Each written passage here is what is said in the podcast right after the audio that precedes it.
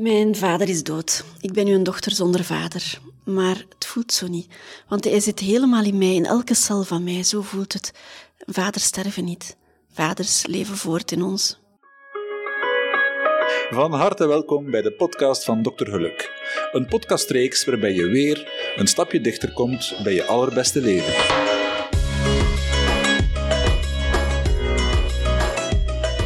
De eerste podcast van het tweede seizoen. En waarover zou ik het deze keer hebben? Hè? Ik was bezig met een nieuwe digitale cursus over rouwverwerking, op vraag van een aantal mensen die mij volgen.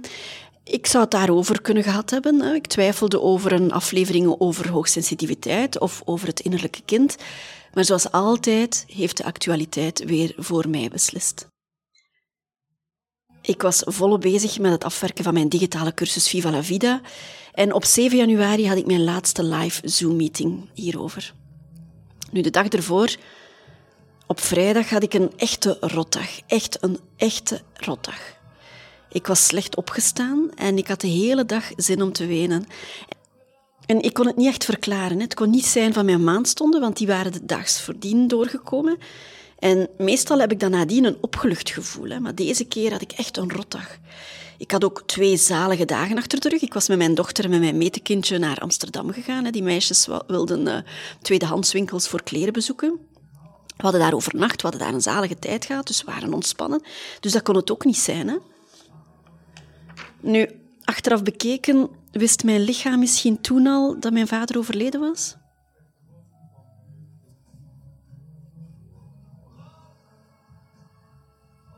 In elk geval, na mijn Zoom kreeg ik tegelijkertijd twee ongeruste telefoontjes. Het ene was van de buurman van mijn vader, die het vreemd vond dat hij geen beweging gezien had. Het andere telefoontje was mijn schoonbroer, die geraakte niet binnen, alles stond opgesloten, de deur was vast, de gordijnen waren dicht. En daar in die ene minuut wist ik meteen dat mijn vader er niet meer was. We zijn meteen vertrokken. En mijn zus en ik hebben mijn vader samengevonden. Hij was in zijn slaap overleden. En daar sta je dan, hè, plots, bij een dood lichaam, het dode lichaam van je vader. En wat je dan doet, is heel hard huilen hè, van de schok, maar ook van het besef dat alles vanaf dat moment anders zal zijn. Dat het leven samen met hem voorgoed voorbij is. Wij zijn hem beginnen strelen, mijn zus en ik, en ook Delphine, mijn metekindje. Johanna, die was gaan paardrijden, die was er niet bij. We hebben zijn lokken van zijn koude voorhoofd gestreken. We hebben zijn ijskoude handen in de, in de onze gehouden. En we bleven bij hem zitten en we bleven maar praten met hem. Maar hij antwoordde natuurlijk niet meer. Hè. Vaat toch, vaat toch, vaat toch. Oh, vaat toch, lieve, lieve vaat toch. En daar in die slaapkamer was zo, zo, zo ontzettend veel liefde.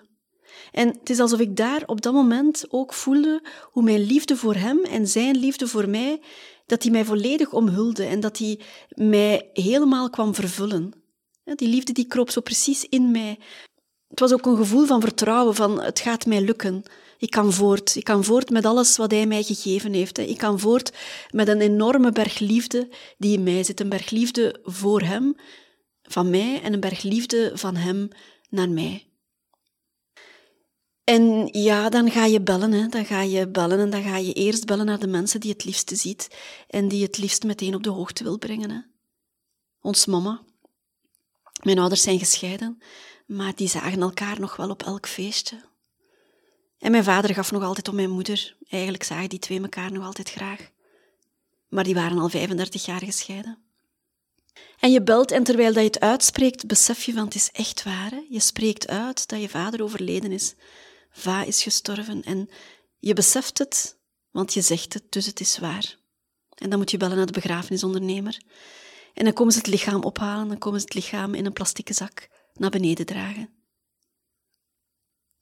Heel confronterend, maar tegelijkertijd ook heel natuurlijk. Hè? Het was zijn lichaam dat weggedragen werd. Hij werd niet weggedragen. Hij was in ons, hij was rond ons, hij was bij ons. Hè?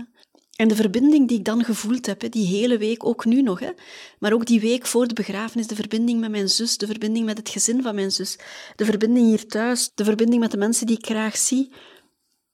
Ja, altijd samen willen zijn en, en dat samen willen delen en, en, en over mijn vader willen praten. Hè. Die verbinding, dat doet dan zo'n deugd. Want mijn dochter is een enig kind, dus ik houd mijn hart al vast dat zij dat later alleen moet regelen. En ik hoop zo dat zij later een begripvolle, lieve partner heeft als zij haar ouders moet begraven. Maar ik heb dus mijn zus en ik heb een hele goede band met mijn zus. En wij zitten op dezelfde lijn. Wij hadden ook diezelfde goede band met mijn vader. En mijn vader had diezelfde goede band met ons allebei. Dus het ineensteken van de begrafenis, dat was eigenlijk bijna plezant, zou ik zeggen. Ik keek er naar uit. Elke dag keek ik uit van, ik ga vandaag met mijn zus. We hebben een afspraak met de pastoor. We hebben een afspraak met de begrafenisondernemer. We gaan de bloemen kiezen. We gaan de tekstjes voorbereiden. Nu, mijn vader was zelf ook leraar, leraar godsdienst, leraar Nederlands. Dus hij heeft zelf heel veel missen ineengestoken. Mijn zus geeft nu ook les in dezelfde school uh, waar mijn vader les gaf. Dus zij is ook al gewoon om missen in elkaar te steken. Dus wij hebben daar geen enkele moeite mee gehad. Mijn zus heeft het grootste werk gedaan, heeft die boekjes gemaakt voor, uh, uh, voor de mensen die naar de begrafenis kwamen. Maar wij hebben die teksten gekozen, wij hebben liedjes gekozen. Dat ging allemaal vanzelf. Wij zaten op één lijn. Het was heel troostend ook om daarmee bezig te kunnen zijn, in de geest van mijn vader. Je bent bezig voor hem, maar ook over hem en voor hem. Het mooie is dat je dat dan samen kan delen en het mooie is dat je wilt samen zijn ook die week. Ik wilde de hele week bij mijn zus zijn. Zij en ik zijn lotgenoten. Hè. Zij en ik zijn de enigen die diezelfde band hebben met mijn vader. Hè. Dochters van diezelfde vader. En dan zeggen mensen, oei, is dat niet erg zo plots? En dan zeg ik plots, ik, ik weet dat al heel mijn leven. Hè. Ik weet al heel mijn leven dat er een dag komt dat ik mijn ouders misschien moet afgeven. Maar ik ben me daar al heel lang bewust van. Elke vakantie als ik op reis ga, dan wil ik eerst nog eens bij mijn ouders gaan goeiedag zeggen. Dat is altijd zo. Dan rijden we eerst nog eens naar mijn moeder, rijden we eerst nog eens naar mijn vader. En dan neem ik afscheid. Zij, zij weten dat niet. Maar elke keer neem ik afscheid alsof het de laatste keer zou zijn dat ik hen zie. Voor mocht ik terugkomen en ze zijn er niet meer, dat ik toch bewust, heel bewust die knuffel gegeven heb. Ook bij elke verjaardag, ook bij elke nieuwjaar, elke keer dacht ik van dit zou wel eens de laatste keer kunnen zijn. Hè? Mijn vader is 77 geworden. Hij was bijna 78, maar ik heb ook zijn laatste verjaardag heel bewust gevierd alsof het de laatste keer zou kunnen zijn.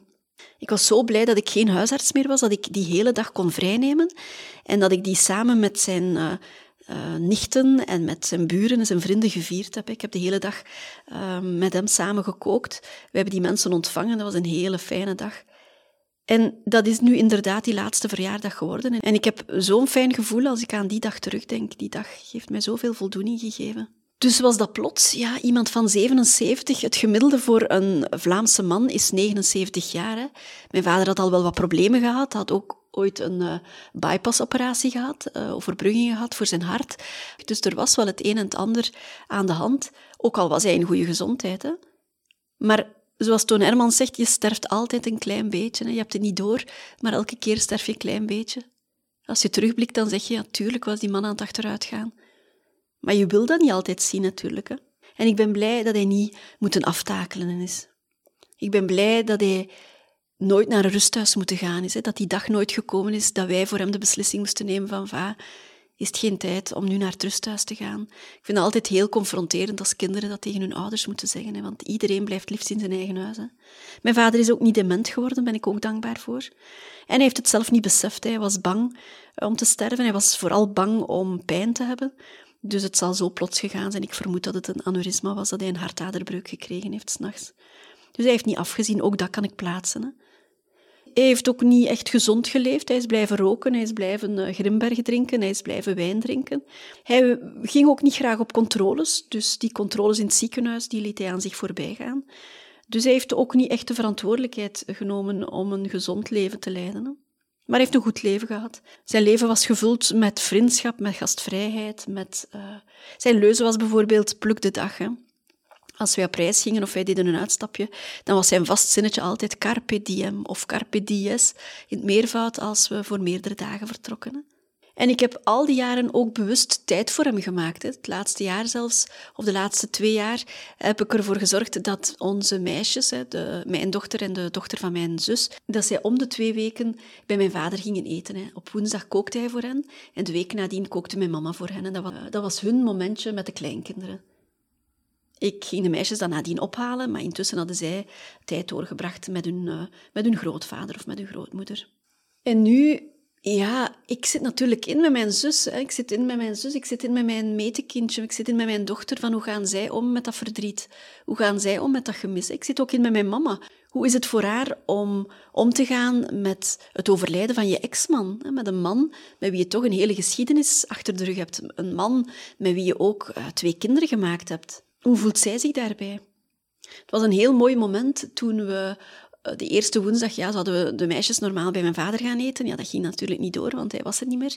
Toen heeft mijn mama die beurt overgenomen en net voor, we begonnen te eten, zei ze van kijk, de saus die ik gemaakt heb, uh, de tomaten, de courgettes in de saus, alles is van jullie vader uit de tuin. Dat was zo'n heel mooi moment dat hij er ook bij was. Hè?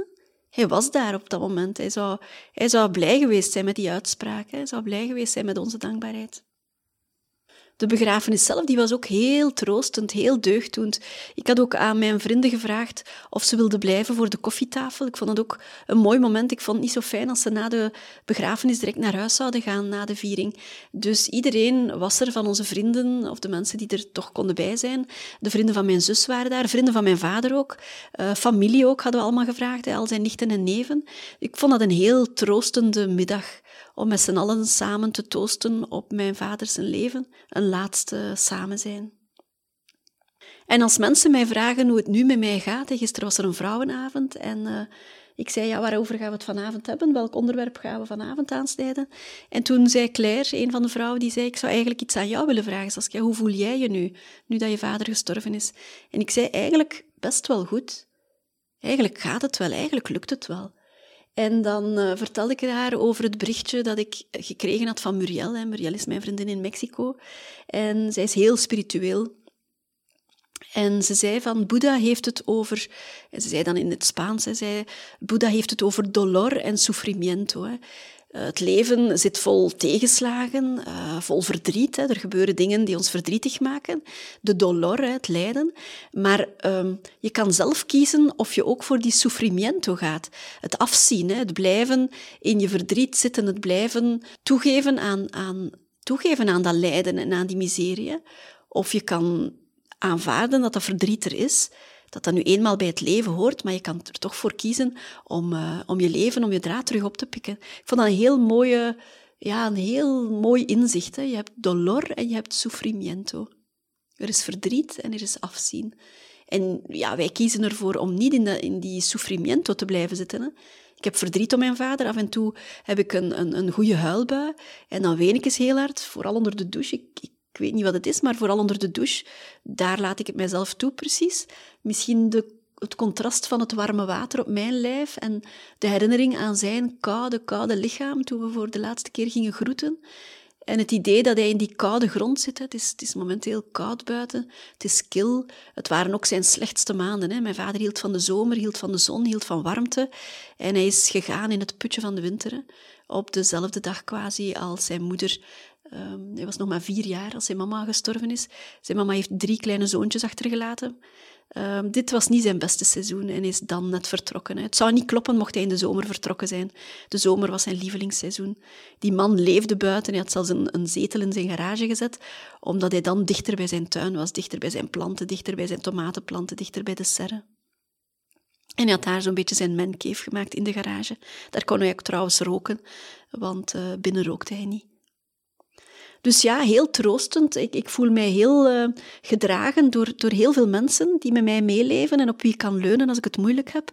Ja, die er waren met knuffels, met kaartjes, met hun aanwezigheid in de begrafenis, met, uh, met uh, een telefoontje of een berichtje of een mailtje. Ik voel mij ja, heel gedragen. En ik voel mij heel gesterkt ook als ik zie hoeveel vrouwen worstelen met de relatie met hun vader, die niet genoeg zelfvertrouwen kregen doordat hun vader geen complimentje kon geven, of die niet in de wereld gezet zijn omdat hun vader hun uh, vrouw zijn niet erkend heeft. Mijn vader heeft dat wel gedaan. Mijn vader was fier op zijn dochters. Mijn vader sprak openlijk met ons over seks. Mijn vader had geen taboes. Uh, sprak over homoseksualiteit als wij klein waren al. Alles, alles over seksuele beleving. Uh, er was geen, geen enkel taboe bij mijn vader. Het was heel bevrijdend om uh, op te groeien bij mijn ouders uh, op dat gebied. Dus ja, hij zit in mij en ik voel de kracht van hem in mij. Ik voel de kracht vooral van de liefde van hem en voor hem in mij. En ik hoop dat dat ook zo blijft. Hè. Tuurlijk ga ik hem missen. Hij gaat er altijd bij zijn, maar hij gaat, het, uh, ja, hij gaat er niet bij zijn met zijn lichaam, maar zijn geest gaat altijd bij ons bij zijn. Hè. Dus het is heel bijzonder, het overlijden van een vader. Ja, ik heb gelukkig mijn mama nog. Um, maar zoals ik al heel dikwijls zeg, tijd is alles. Ik ben mij er altijd heel erg bewust van geweest dat iedereen rond mij, uh, dat die tijd van iedereen eindig is. Hè. Dat is misschien typisch aan mijn beroep als huisarts, dat ik daar heel alert of heel attent voor ben, dat mensen niet eindig, dat die niet oneindig leven dat er voor alles een tijd is en dat het soms zo plots kan gedaan zijn. Hè? Een verkeersongeval, paf, het kan gedaan zijn. Een hersenbloeding, poef, het kan gedaan zijn. Een hartinfarct, neervallen, up, gedaan. Een ritmestoornis, een hartritmestoornis en, en, en het kan plots gedaan zijn. Hè? Dus je moet veel geluk hebben als je oud wil worden. In goede gezondheid. Dus daar ben ik mij altijd heel erg van bewust geweest. Dus als mensen zeggen zo erg, zo plots, dan denk ik nee, het is goed voor hem dat het zo plots gegaan is. En voor mij, alles was gezegd. Wij hebben zoveel uh, uitgesproken aan elkaar. We hebben zoveel uh, berichtjes geschreven of, of, briefjes geschreven aan elkaar, dat we elkaar graag zagen. Hè, dat we dankbaar waren voor wat we voor elkaar gedaan hebben. Mijn vader heeft uh, een aantal jaar geleden heeft hij twee maanden bij mij gewoond, bij mij en mijn dochter, toen ik alleen woonde. Dat was tussen zijn uh, operaties in, een, een prostaatoperatie, een uh, hartoperatie en een, van een ader, van een aneurysma. En tussendoor woonde die bij mij, dan lag die in een ziekenhuisbedje in mijn living. En dan zat hij samen met mijn dochter jommekesboeken te lezen. En dan kookte ik voor mijn vader. En dan was er altijd licht in huis. Als ik s'avonds thuis kwam, en zelfs als mijn dochter dan bij haar vader was, dan uh, reed ik naar huis na mijn werk. En dan brandde er licht. En ik vond dat een heel fijn gevoel te weten dat er iemand thuis was en dat mijn vader daar, uh, daar lag. En dat, hij, uh, ja, dat ik met hem een praatje kon doen. Nu, op het einde was hij heel vermoeiend en heb ik hem gevraagd om, naar een, uh, om te gaan revalideren aan zee, omdat ik echt, ik was helemaal, uh, ik was helemaal op van die zorg. Dus alle respect, alle respect voor mantelzorgers die dag in dag uit voor iemand zorgen die bedlegerig is. Amai, heel inspannend is dat. Het geeft veel voldoening, maar het vraagt veel uh, van jou. Hè. En ik had toen mijn drukke, drukke job als huisarts, dus dat was echt een, een zware periode. Maar dat was ook een heel intense periode. Wij, ja, wij hebben die tijd samen ook heel intens beleefd. Ook samen met mijn dochter, met ons drietjes. Hè. En mijn zus heeft ook altijd heel veel gedaan voor mijn vader, samen met haar man. Die stonden altijd klaar voor mijn vader. Dus mijn vader heeft goede dochters gehad, denk ik. Hè. En als ik mij dan schuldig voelde over die laatste weken, ik heb hem op nieuwjaarsdag gezien, maar dan nadien waren er een aantal drukke dagen. Ik was dan ook in Amsterdam met twee meisjes. Ik heb hem niet meer gezien, ik heb hem niet meer teruggezien. En ik kan mij daar nu heel erg over beklagen, of ik kan mij nu wentelen in schuldgevoel, maar ik ga dat niet doen. En een vriendin van mij zei, kijk Saskia, schuldgevoel is hier niet op zijn plaats. Kijk naar je lifetime achievement. En ik vond dat zo'n mooi zinnetje. Als iemand gaat sterven in jouw omgeving, pin je niet vast op die laatste dagen, op dat laatste moment. Stel dat je er niet bij was bij dat overlijden, wij waren er ook niet bij. Mijn vader is alleen gestorven in zijn bed. Ja, als je je daar gaat op vastpinnen, dan zie je af, hè, dan heb je die sufrimiento. Maar als je kijkt naar die lifetime achievement, ik vind dat een heel mooi beeld om te kijken van hoe is ons leven samen geweest. Wel, dat was goed. Dat was goed en ik kan dat plaatsen, ik kan mij daarin vinden. Ik kan uh, daar troost in vinden. En ik heb zoveel te danken aan mijn vader. Mijn vader was een en al gastvrijheid, vriendelijkheid, zachtheid, mildheid. Hij heeft mij de liefde voor het woord meegegeven, de liefde voor taal, de liefde voor Italië. We hebben samen avondschool gevolgd. We gingen elke dinsdagavond, ik zat toen in het uh, vijfde jaar van de humaniora en het zesde jaar van de humaniora. En elke dinsdagavond uh, reden wij samen. We pikten dan nog een ander meisje op. Dan gingen wij naar Aalst en dan volgden wij avondschool. En dan deden wij samen examen en dan zaten we samen in het klasje. En mijn vader was daar de beste leerling, was ik heel fier op hem. Mijn vader heeft altijd ook toneel gespeeld. Dan was ik ook fier op hem. Ik was fier op de hoofdrollen die ik kreeg, op zijn mooie uitspraak, op zijn uh, acteertalent. Het was ook een fijne tijd om als kind mee te beleven, het leven achter de coulissen. Ik vond dat fijn als, als dochter dan. Maar het meest van al heb ik zijn vriendelijkheid meegekregen, zijn uh, ja, het feit dat hij attent was voor jong en oud. Hij heeft vrijwilligerswerk gedaan in het rust- en verzorgingstehuis, maar hij heeft ook vrijwilligerswerk gedaan bij mijn metekindje op school. Hij ging daar smiddags gaan helpen. En hij kende al die namen van die kindjes en die kindjes waren dol op hem. Die noemden hem allemaal Vake Piet. Zoals Delphine hem noemde en zoals mijn dochter hem noemde, noemde iedereen hem Vake Piet. En mijn vader gaf ook heel veel complimenten aan iedereen. Dat kostte hem geen moeite. Hij luisterde liever dan zelf te vertellen. Op de begrafenis eh, zeiden zijn buren van we zijn blij dat we jouw vader nu beter leren kennen hebben door de dienst, door die afscheidsviering. En ik dacht, ja natuurlijk. Natuurlijk, want hij kwam bij jullie en jullie vertelden altijd. En hij vertelde, hij zei dan zelf tegen ons, ik vertel daar niet veel, ik luister liever. Zo was mijn vader. Hij heeft mij heel fel geïnspireerd op heel veel gebieden, hè, op, poëzie, uh, literatuur, muziek ook. Maar vooral, vooral uh, ja, de gastvrijheid. Ik denk dat dat het belangrijkste is. Gastvrijheid, dat ik dat van hem geleerd heb hoe fijn het is om, om te geven, om te ontvangen, om, uh, om mensen te ontvangen en om je, je tijd te geven. Hè? Je tijd, je aandacht, je kookkunsten. Dus niks dan lof over mijn vader. Misschien was hij wat te soft, misschien was hij wat te naïef op sommige gebieden. Hij was zeker niet handig. Um, ja, hij was niet streng. Hij had met momenten misschien wel wat strenger kunnen zijn, want mijn mama was dan de strenge. Dat is ook niet altijd eerlijk, hè, dat je één partner de strenge laat zijn en dat je dan zelf altijd de goede bent. Hè. Misschien is dat toch niet altijd ideaal voor een kind. Uh, maar hij kon het niet. Hij was zo conflictvermijdend. Hij kon niet, hij kon niet streng zijn. Dus ja, welke raad zou ik jou geven? Ik zou zeggen, wees je er in elk geval bewust van dat iedereen rond jou, dat die dagen altijd geteld zijn. Hè? Wie wordt er honderd jaar? Er is altijd een dag van afscheid. En wees je daar nu al van bewust. En bij de mensen die je graag ziet, maak eens die balans op van hoe zit dat nu tot hiertoe met die lifetime achievement? Hebben jullie een goede tijd samen? Is alles gezegd wat er gezegd moet worden of wat je wil zeggen? Wat als jouw geliefde of jouw dierbare, uh, als die plots zou sterven, is dan alles gezegd wat je wil zeggen? Of doe dat morgen. Hè. Neem morgen die telefoon, schrijf morgen dat briefje, doe morgen die mail en zeg wat je te zeggen hebt. Stel niks uit. Ik heb zo vaak tegen patiënten gezegd van, werk niet te hard, zorg dat je morgen nog eens op bezoek gaat bij je mama. Zorg dat je die, dat laatste gesprekje nog kan hebben met je vader. Ik heb mensen daar zoveel voor... Uh, ja, voor gewaarschuwd dat het misschien eens wel te laat zou kunnen zijn, dat ze nu al best palliatief verlof zouden nemen voor die moeder, voor die vader, voor die partner. En dat is mij nadien altijd wel uh, in dank afgenomen. Mensen waren daar blij over dat ik hen daarvoor verwittigd had. Hè. En de dag uh, voor nieuwjaar, toen moest ik mijn dochter naar paardrijden brengen. Of wilde ik mijn dochter naar paardrijden brengen, liever gezegd. Er moest nog van alles voorbereid worden, want ik wilde um, dingen voorbereiden voor het feest van oudjaar. En ik kon naar huis komen om worteltjes te raspen of... En ik was toen aan de telefoon met een vriend van mij en die zei, waarom ga je niet eens bij je vader langs? En ik dacht, oh, dat is een goed idee. Want ik had het misschien niet gedaan, net omdat we s'avonds vrienden hadden. Hè. Op een ander moment, die andere zaterdagen, deed ik dat altijd wel. En ik ben zo blij dat ik dat gedaan heb, want we hadden daar een mooi moment. Mijn schoonbroer was daar, mijn metekind was daar, het was net haar verjaardag. We waren daar met ons vier, we hebben daar een koffietje gedronken, we hebben gebabbeld. En mijn vader heeft daar ook zichtbaar van genoten. Dus ik ben zo blij dat ik dat gedaan heb. En dat iemand mij daar attent op maakte. Hè, van nee, ga, toch, ga nu toch niet wortelen raspen, ga nu toch gewoon bij je vader. Dus mijn boodschap is, stel niks uit. Hè. Tijd is alles, liefde is alles. Dat is mijn leuze al zo lang. Dat is mijn leuze al van bij de eerste dag van Dokter Geluk. Maar het is ook zo. Hè. Tijd is alles. En als je die tijd goed gebruikt met je geliefden, dan kan je dat overlijden ook veel beter plaatsen. Dan ben je daar niet kapot van. Tuurlijk ga ik hem missen. Tuurlijk, ik had de liefste vader die er was, maar ik kan het allemaal aanvaarden. Ik kan het een plaats geven en ik kan met de glimlach nu al kijken. Hè.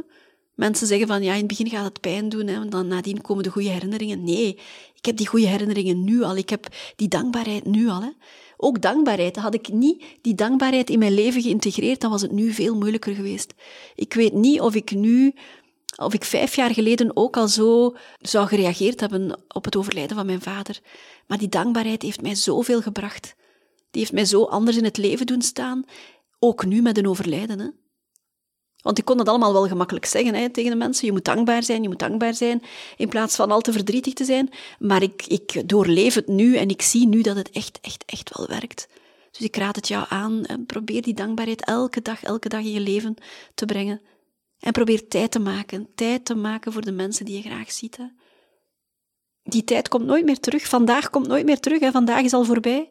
En morgen is weer een dag die ook weer voorbij zal gaan als je alleen maar zal werken. Het is raar, want als ik nu mensen ontmoet, of, dan deel ik ze meteen in, in twee kampen. Hè. Jij hebt je ouders nog? Ah nee, je hebt je ouders niet meer. Of ah ja, je hebt je vader ook niet meer? Ah ja, je hebt je vader wel nog. En ja, ik heb heel vaak bij de begroeting, als mensen uh, mij de hand kwamen schudden om mij te condoleren bij de begroeting, heb ik heel vaak gezegd, ja, jij weet inderdaad wat het is, hè, tegen mensen die hun vader al verloren waren. En dan denk ik, ja, zij zitten al in een andere fase, maar ook zij hebben geen vader mee. Ik hoop dat je je ouders nog lang kan hebben en als het niet zo is, dat je vooral in dankbaarheid kan terugkijken. Hè? En dat je mild kan zijn voor de fouten die gemaakt zijn of de dingen die niet zo goed liepen. Uh, je kan het niet meer rechtzetten, maar je kan er misschien wel anders naar kijken. Tijd is alles, alles is liefde, liefde is alles. Dit was het liedje dat we ook gedraaid hebben in de afscheidsviering. Nu, ik noem het niet echt een afscheidsviering. Ik heb het altijd genoemd, we vieren mijn vader zijn leven. Ik vond dat veel mooier om die naam te geven dan begrafenis of uitvaart of afscheidsviering. We hebben zijn leven gevierd. Hè. We hebben gedankt voor zijn leven. Er waren veel bloemen op zijn, uh, op zijn kist. Er, was, er waren heel veel mooie woorden. Er is ook gelachen. Hè. Het was een lach en een traan in onze teksten. Maar we hebben vooral zijn leven gevierd. En ja, doe dat nu ook. Hè. Vier je leven nu al en vier je leven samen met het leven van de ander terwijl je leeft. Maar die laatste viering is nog eens een, een globale viering van het hele leven, hè, van het integrale leven, van diegene die, die er niet meer is, of wiens lichaam er niet meer is, beter gezegd. Ik ga eindigen met het liedje van Ramses Shaffi. We hebben dat gekozen voor de viering. Hij was grote fan van kleinkunst, hij was ook grote fan van Elvis Presley. Maar Laat Me is een lied dat heel goed bij hem past. Hou je goed en tot volgende keer.